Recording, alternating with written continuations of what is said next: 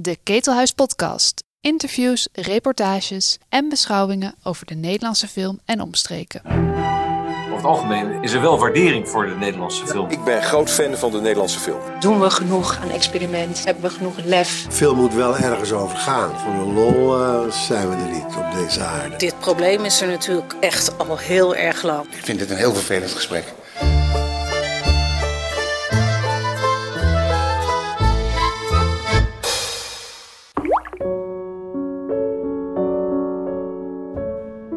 Rap een jaar geleden kwam filmproducent Matthijs van Heiningen uitgebreid aan het woord in liefst twee afleveringen van onze podcast. Toch ging Michiel Berkel nog één keer bij hem op visite om de puntjes op de laatste is te zetten. Over Noeska van Brakel, Marleen Gorres en Dick Maas bijvoorbeeld, maar ook over waarom Rutger Hauer een bloedhekel aan hem kreeg en omgekeerd waarom Van Heiningen op zijn beurt weer een bloedhekel kreeg aan Ate de Jong.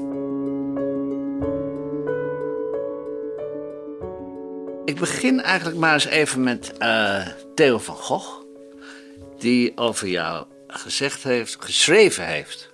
Ik mag Matthijs omdat hij de enige van naam is tussen de glibbers en glabbers van het gesubsidieerde producentendom. Die ballen heeft en werkelijk van film houdt. Ja.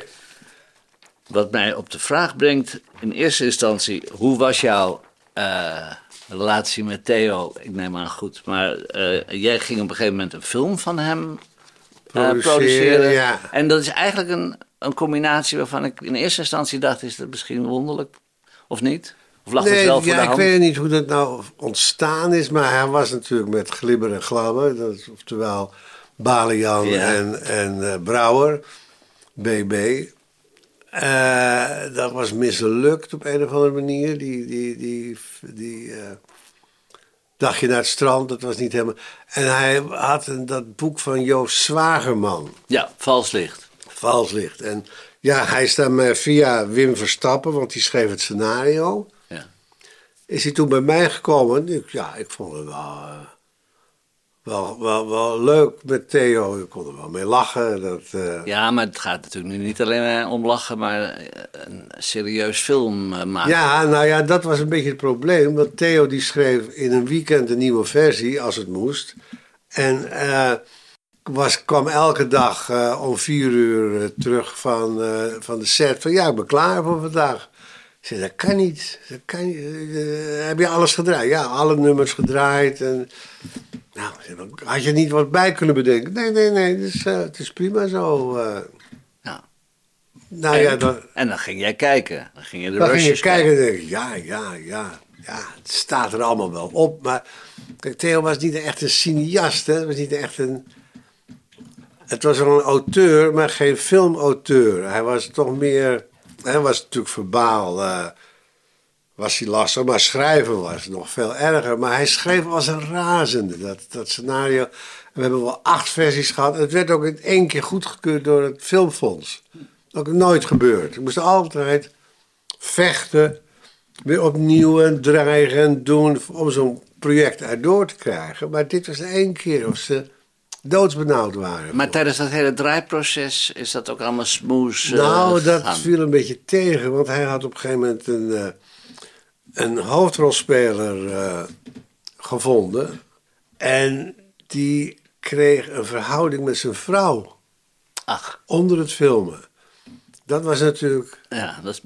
vervelend. Ja. Hè, om het zo maar eens te zeggen. Ja. Maar eh, zijn vrouw, die, toen was de film gedraaid en alles, was, eh, die vertelde dat in het vliegtuig op weg naar New York toen ze klaar waren met het draaien.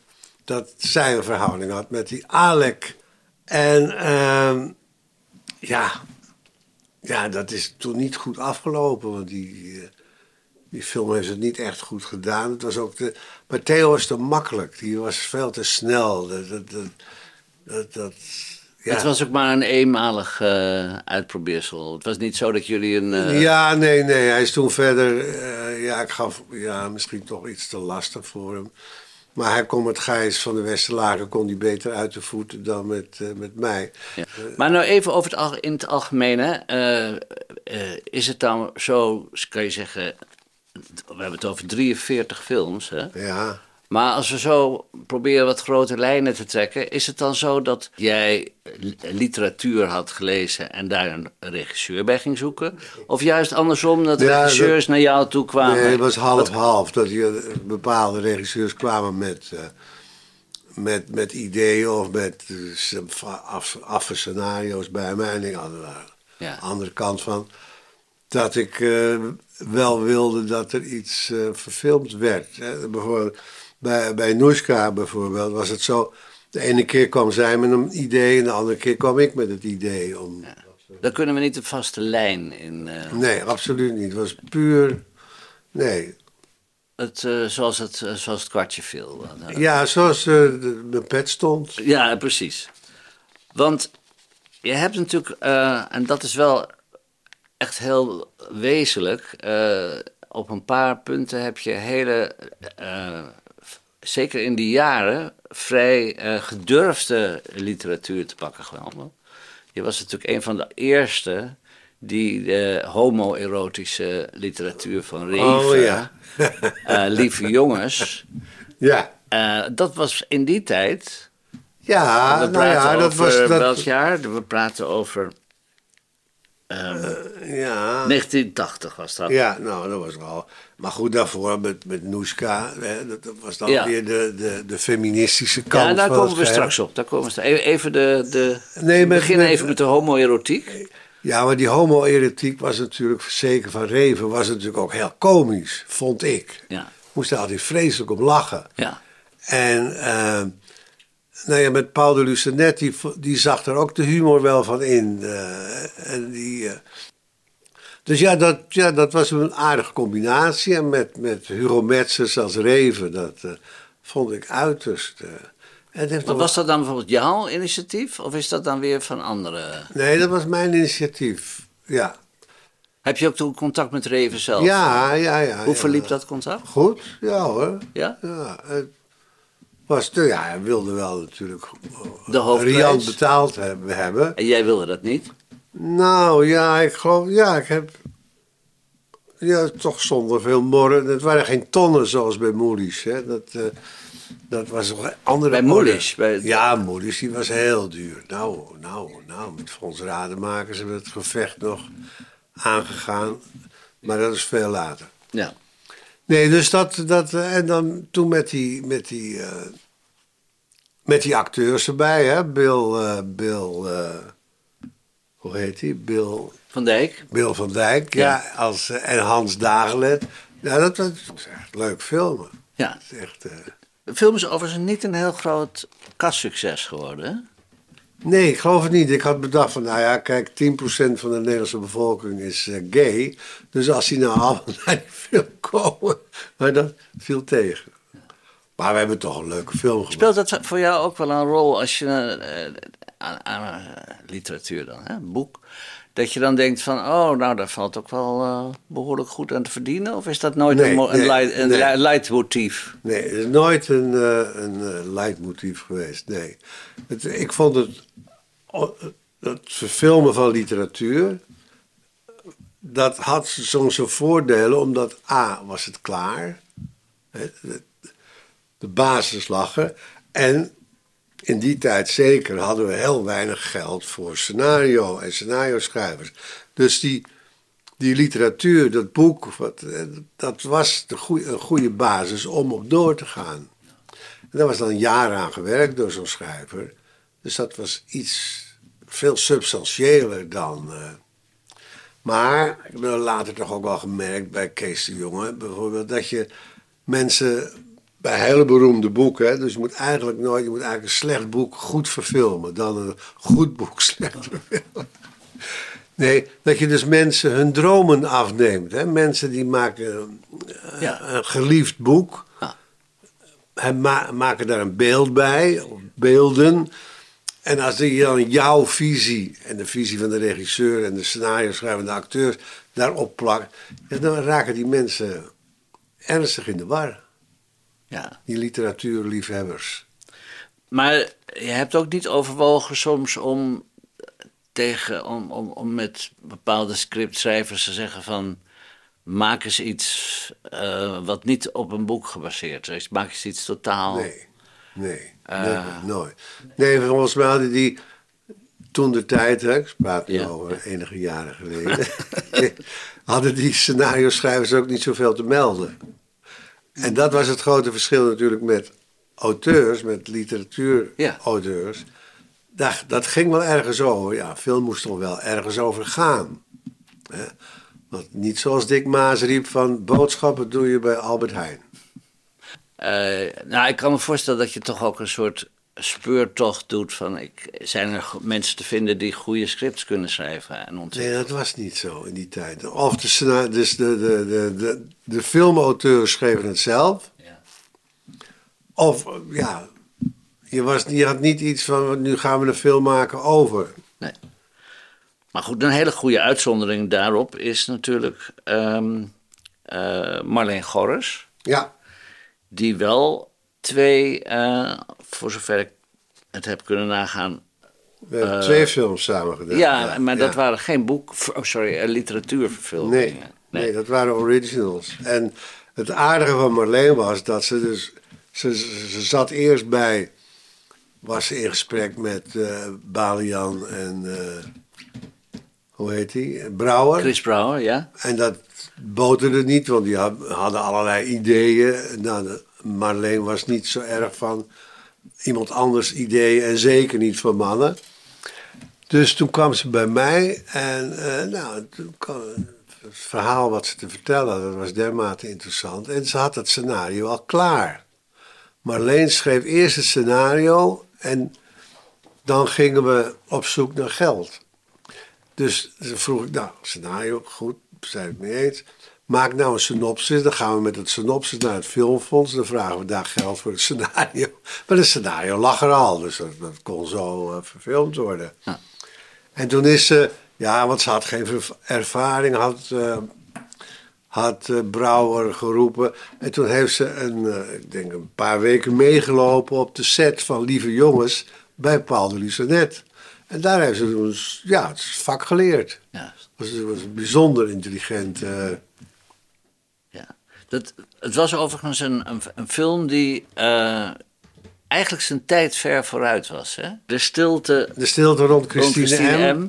Een aantal vrouwen die besluiten om totaal niet eh, gedefinieerde reden eh, een, een meneer in een winkel te vermoorden. Ja, ja. Dolf Brouwer. Nee, Dolf de Vries. Dolf de Vries. Ja, ja, heel Ja. zielig. Dat was zo'n aardige man. En er werd over die film gezegd dat het gaat, de film, de thematiek, vrouwenonderdrukking, man vijandig. Ja, Het, het, een, een film die eh, paste in eh, het feministische eh, Ja. tijdperk van die tijd. ja. Nou ja, Was dat wat, er, wat jou daarin aansprak? In zekere zin, ja. Maar het was ook de, de, de, de, de, de onvervrorenheid, de bluntnesses. Dat is zo keihard. Dat was met de, haar volgende film ook zo. Maar, dus die, eh, die brave man eindeloos gemarteld werd eh, in een kelder. En ja, dat, dat zie je pas later terug in andere films Ja. op de wereld. Ja, David Fincher of... of eh, deze liep wat dat betreft toch heel erg eh, haar tijd vooruit. eh. Maar dat was. eh, was het je bedoeling ook om. eh, zeg maar juist te choqueren? ja. Of. Nee, die, nee, ik bedoel, dat viel bij mij allemaal onder het hoofdje. Film moet wel ergens over gaan. En niet voor de lol. Voor de lol zijn we er niet op deze aarde. Dat Moet is wel- jouw gereformeerde. Precies, ja. de- ja, zeker.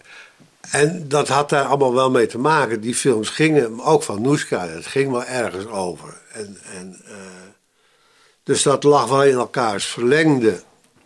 En wat ik ook wel leuk vond, was om te bewijzen dat iemand met een goed scenario gewoon een film kon maken. Gezeur van die filmacademie, eh, studenten. In Nederland kon toen echt eigenlijk alles. In tegenstelling tot vandaag de dag.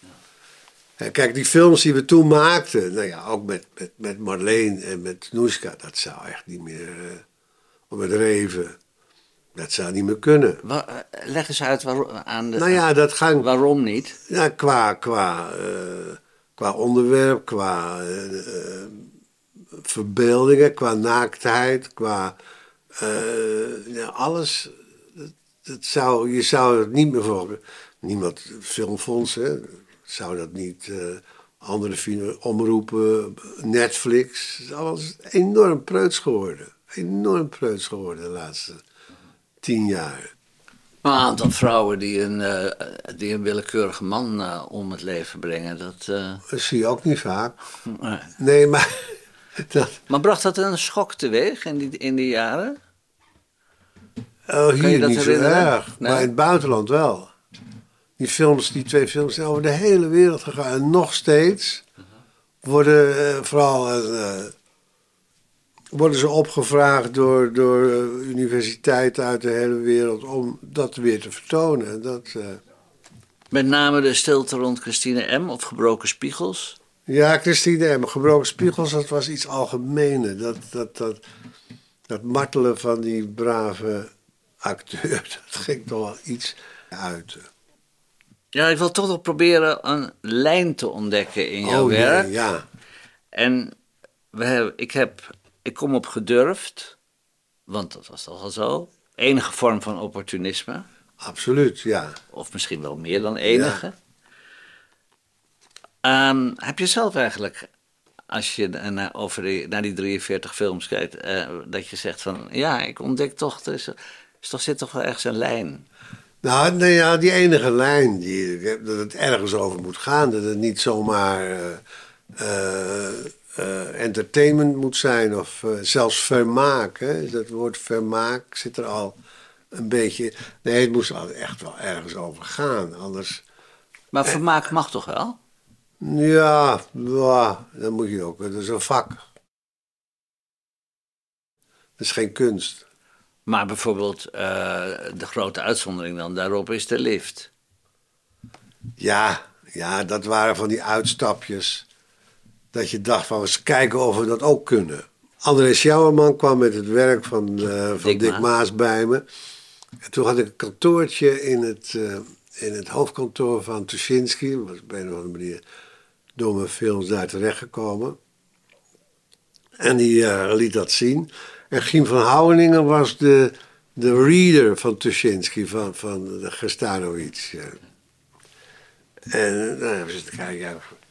En dat was wel, op een of andere manier was dat een, een soort horror buiten de, de, de horror van wat de Engelsen deden in de Hammer Studios. En, dat, eh, en dit had wel apart, aparte draai.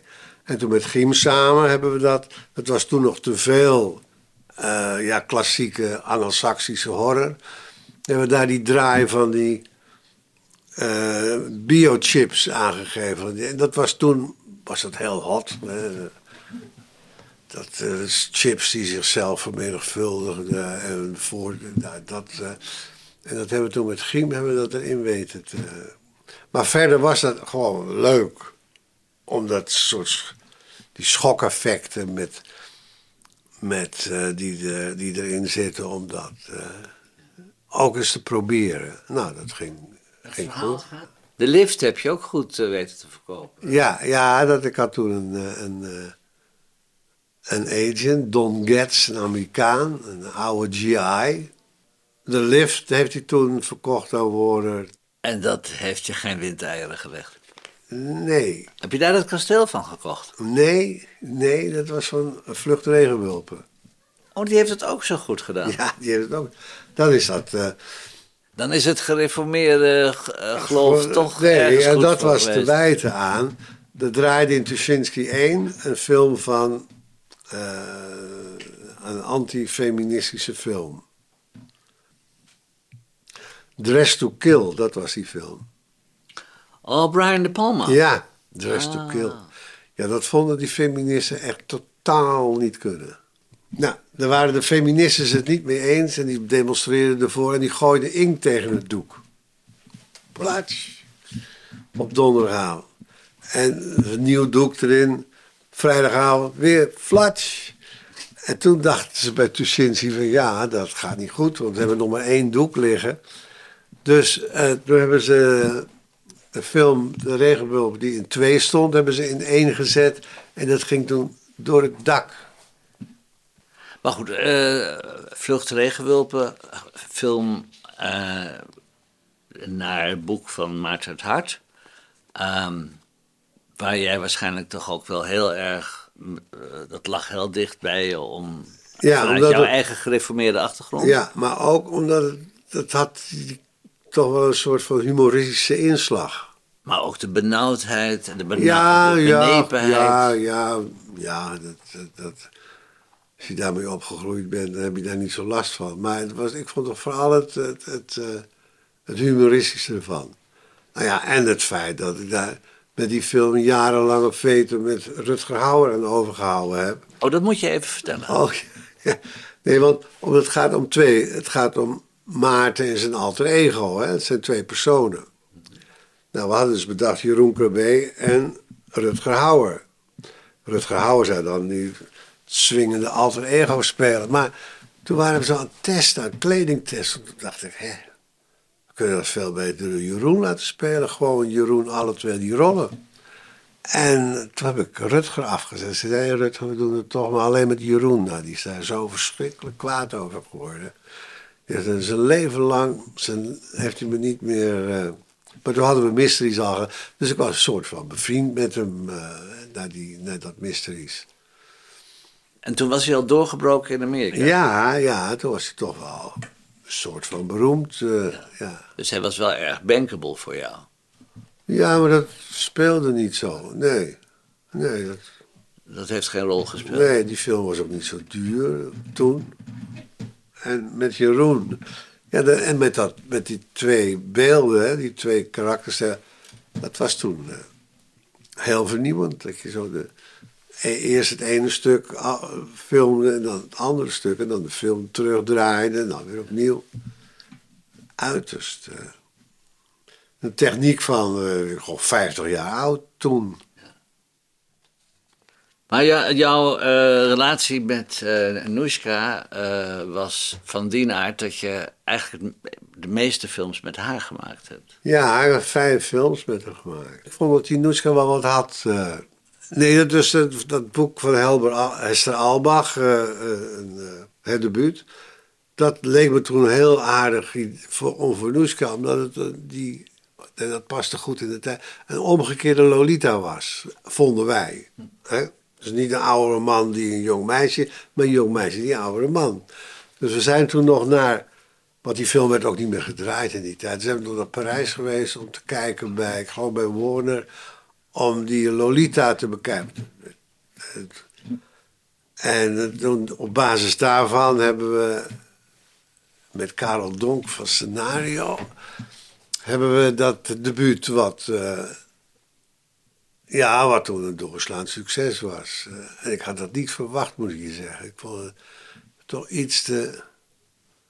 Want de, de film ging in, ging in première op een zaterdagochtend, deden we dat toen nog in Tuschinski. En ik dacht, nou, dat wordt helemaal niks. Waarom dacht je dat? Ja, ik weet het niet, zo'n gevoel.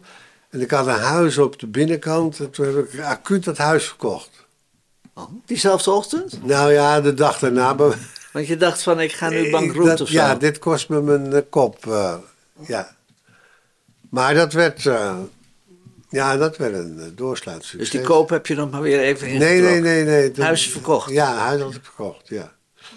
En, eh, nee, dat was een, eh, dat was... Nou ja, toen zijn we verder gegaan eigenlijk, hè, met die andere films. eh.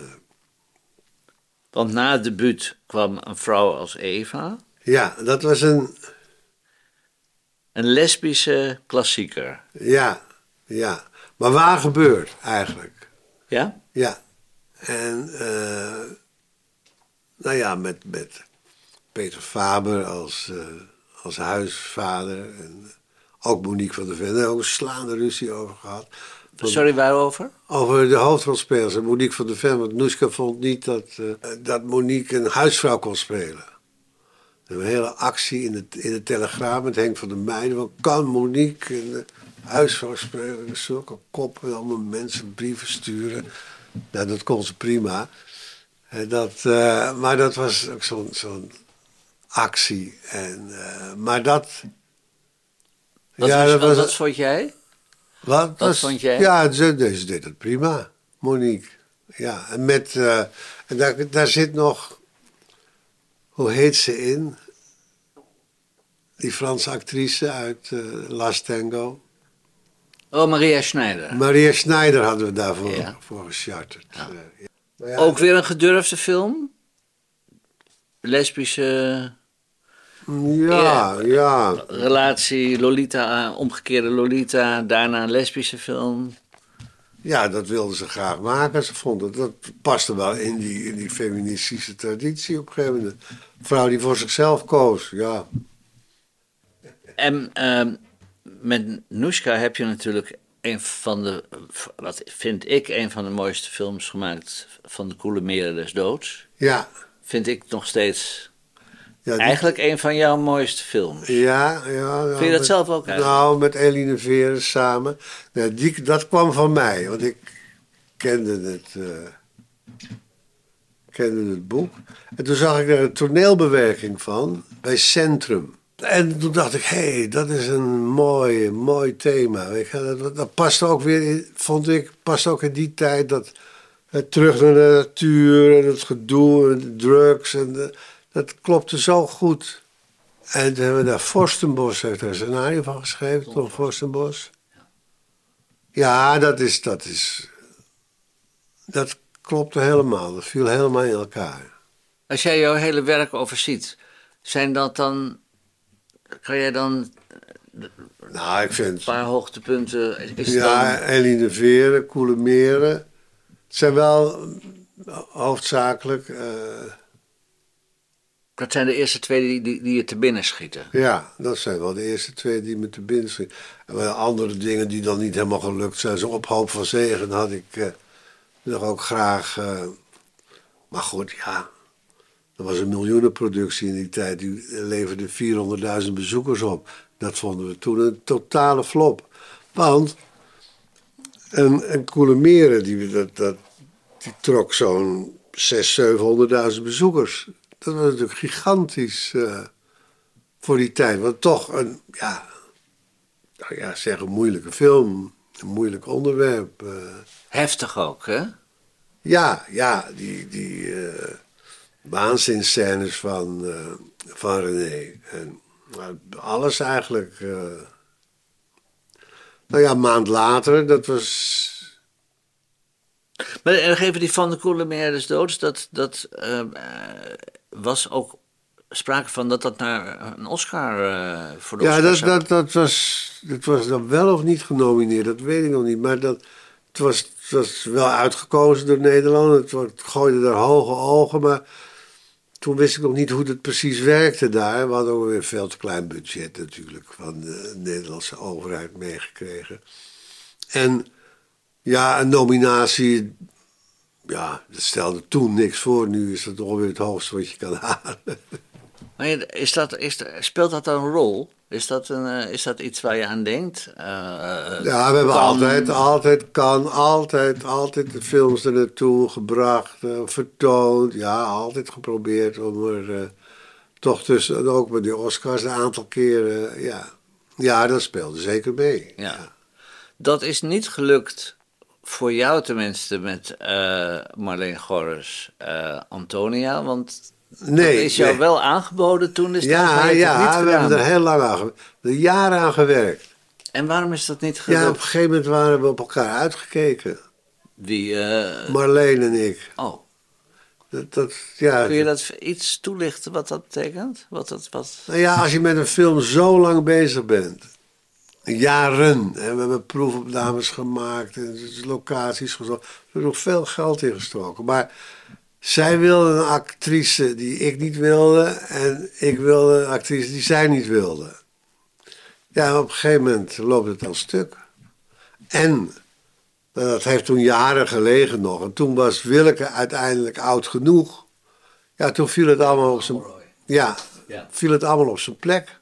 En ik heb nooit, Ze had het toen ook al kunnen spelen. want Ik heb met Willeke een paar korte films gemaakt. Dus heeft in allerlei. Ik weet niet hoeveel films ze bij ons gezeten heeft. Maar ik had nooit aan Willeke gedacht. Wonderlijk, wonderlijk. Nee, en dat met Jan de Cler, ja, meesterlijk. Meesterlijk. Het is een van de betere Nederlandse films. Hoe, hoe voelt dat dan op het moment dat je dan hoort? Ja, ja, nou ja, het is een keus geweest, ja. Maar denk je dan van shit? Of hoe? Nee, toen zat het er niet in. Toen zat het er gewoon niet in. Nee, maar je hebt ook toen het, toen het eenmaal via Hans de Weers eh, wel gebeurde. eh, Ik bedoel, eet je dan je hoed op? Of hoe, Nee. wat nee, gebeurt er bij nee, je van binnen dan? Nee, niet veel, niet veel. Nee, ik heb het gewoon laten, laten lopen. Ik heb verkeerd ingeschat. Als het eerder gebeurd was misschien, maar we konden het gewoon niet eens worden. We konden het gewoon niet eens worden. En dat, eh, Is je dat vaker overkomen? nee, nee, voor een acteur, nee. Ik heb altijd mijn zin gekregen wat dat betreft. nee. Nee, maar Ja. is het je vaker overkomen dat je met een regisseur een heel eind op streek was en dat het uiteindelijk knalde? Nee, nee, nee. Nee, maar zoals met, met, met Paul de Lucenet, Guido Pieters, eh, André van Duren. Nee, nee, nooit. eh. Maar ik heb dus, eh, nou ja, vrij vaak met regisseurs meerdere films gemaakt. Hè. Dat, eh. Maar het is wel, dat enige genoegdoening die ik eraan eh, aan overgehouden heb. Het is de, Antonia is precies zo geworden als ik in mijn hoofd had. Maar niet dat je daar wat aan hebt. Nou ja, des- ik heb er wel wat Des aan. te zuurder misschien.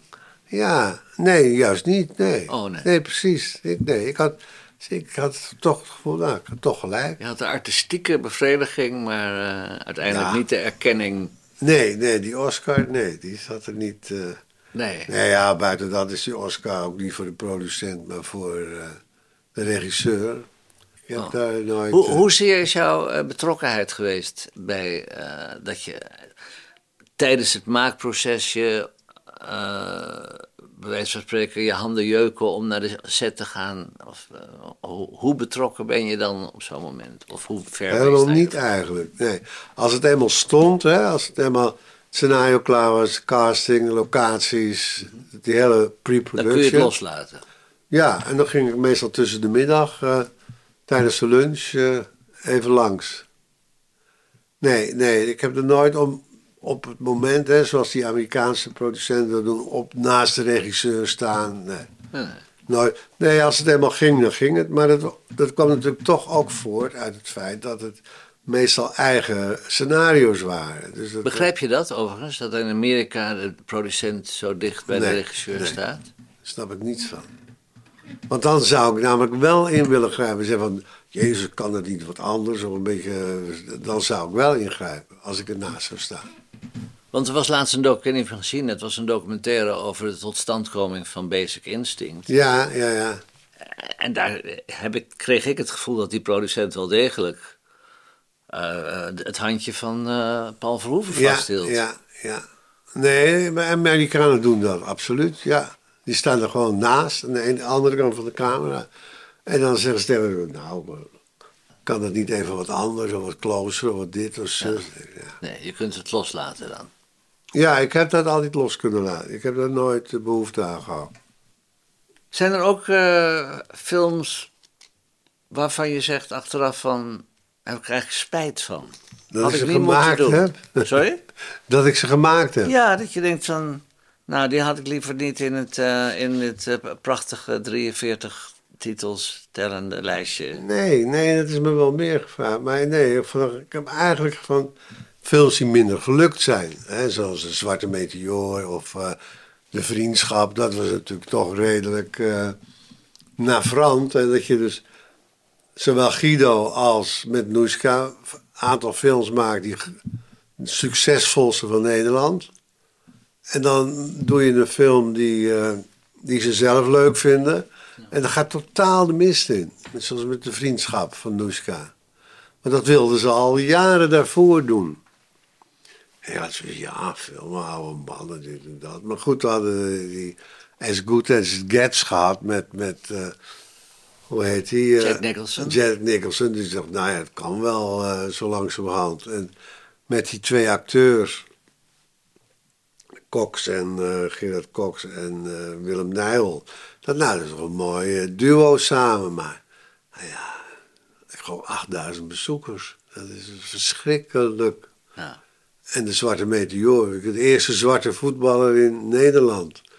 Boek van Tom Egbers. Nou, Heb je daar een verklaring voor? nee, geen enkele. Nee, absoluut niet. Is het elke denk- keer een geheim? Ja, ik denk dat. eh, nee, dat heb ik nog wel. Maar ik dacht met, met Noeska, nou ja, twee oude mannen en die oude mannen. Dat, maar dat, met Noeska was dat was gewoon te vroeg. Want nu heb je allerlei films over oude mannen, hele televisieseries over oude. Hendrik Groen? Ja, om maar eens wat te noemen. En dit was gewoon, ja.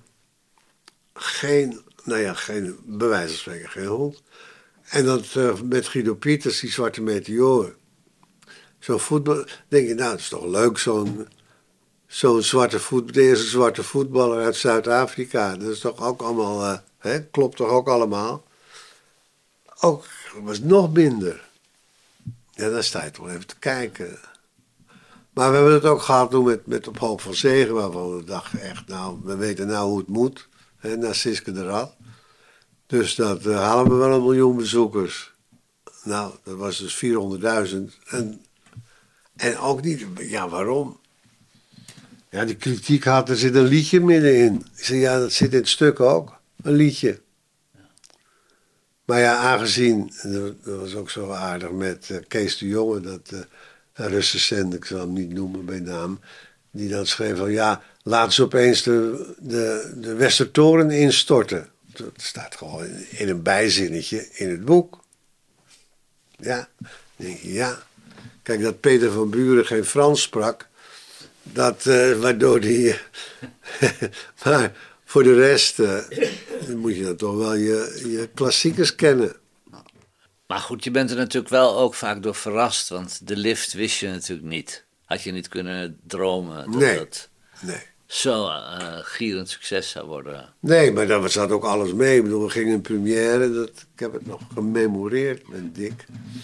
Dat ging, dat was toen, dat ging in première op, op de, donder, de hemelvaart donderdag. Dat, donderdag, de hemelvaart is altijd op een donderdag. hè. Ik weet niet of je het Ja. weet, maar goed.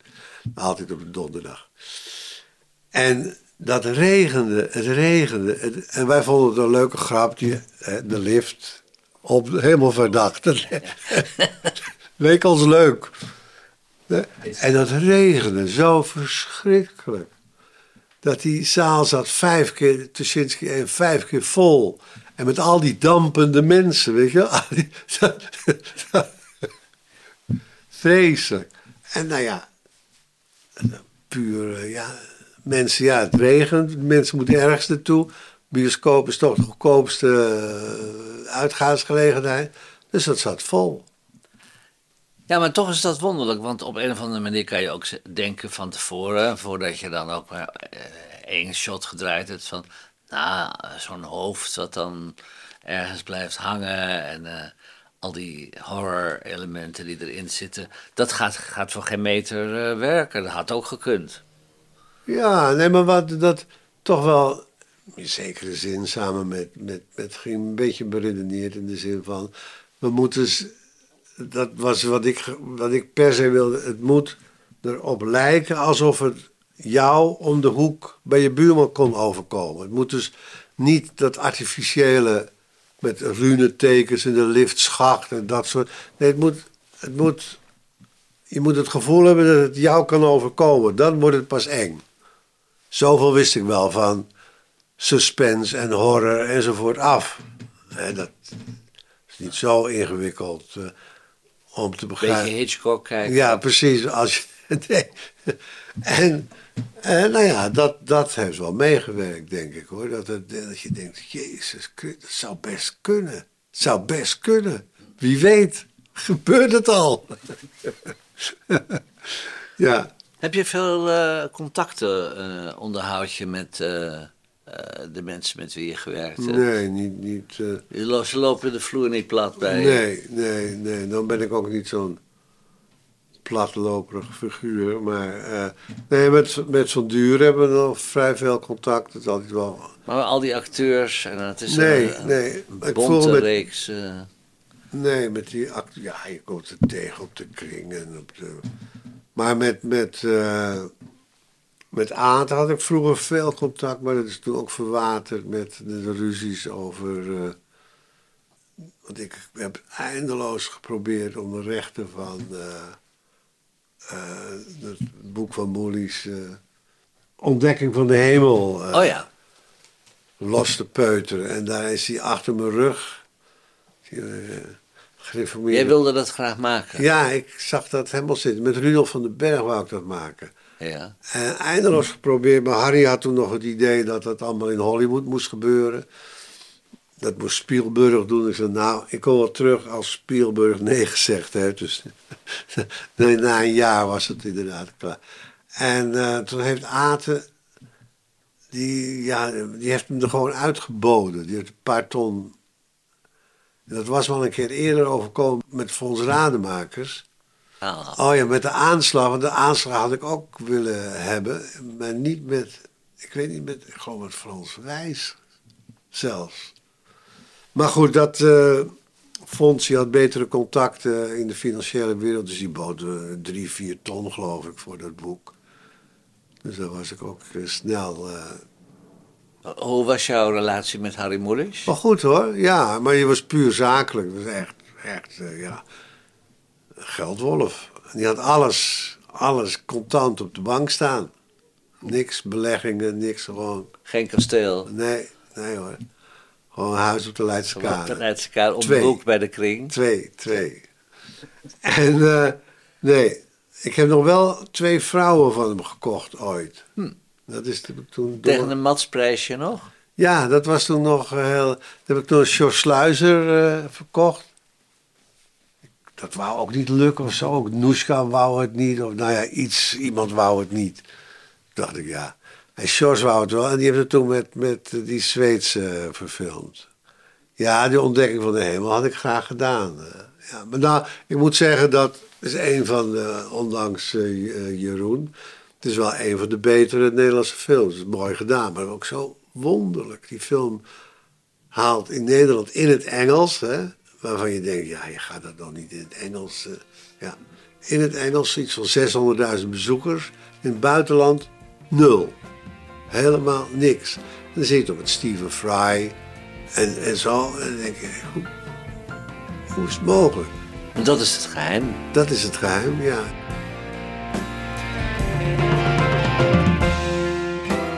Tot zover deze Ketelhuis podcast. Je vindt de Ketelhuis podcast in je favoriete podcast app en natuurlijk op onze website ketelhuis.nl/slash podcast. Abonneer je vooral zodat je geen enkele aflevering mist en leuk als je een reactie achterlaat. Hou ons in de gaten, we zijn snel weer terug met een nieuwe podcast.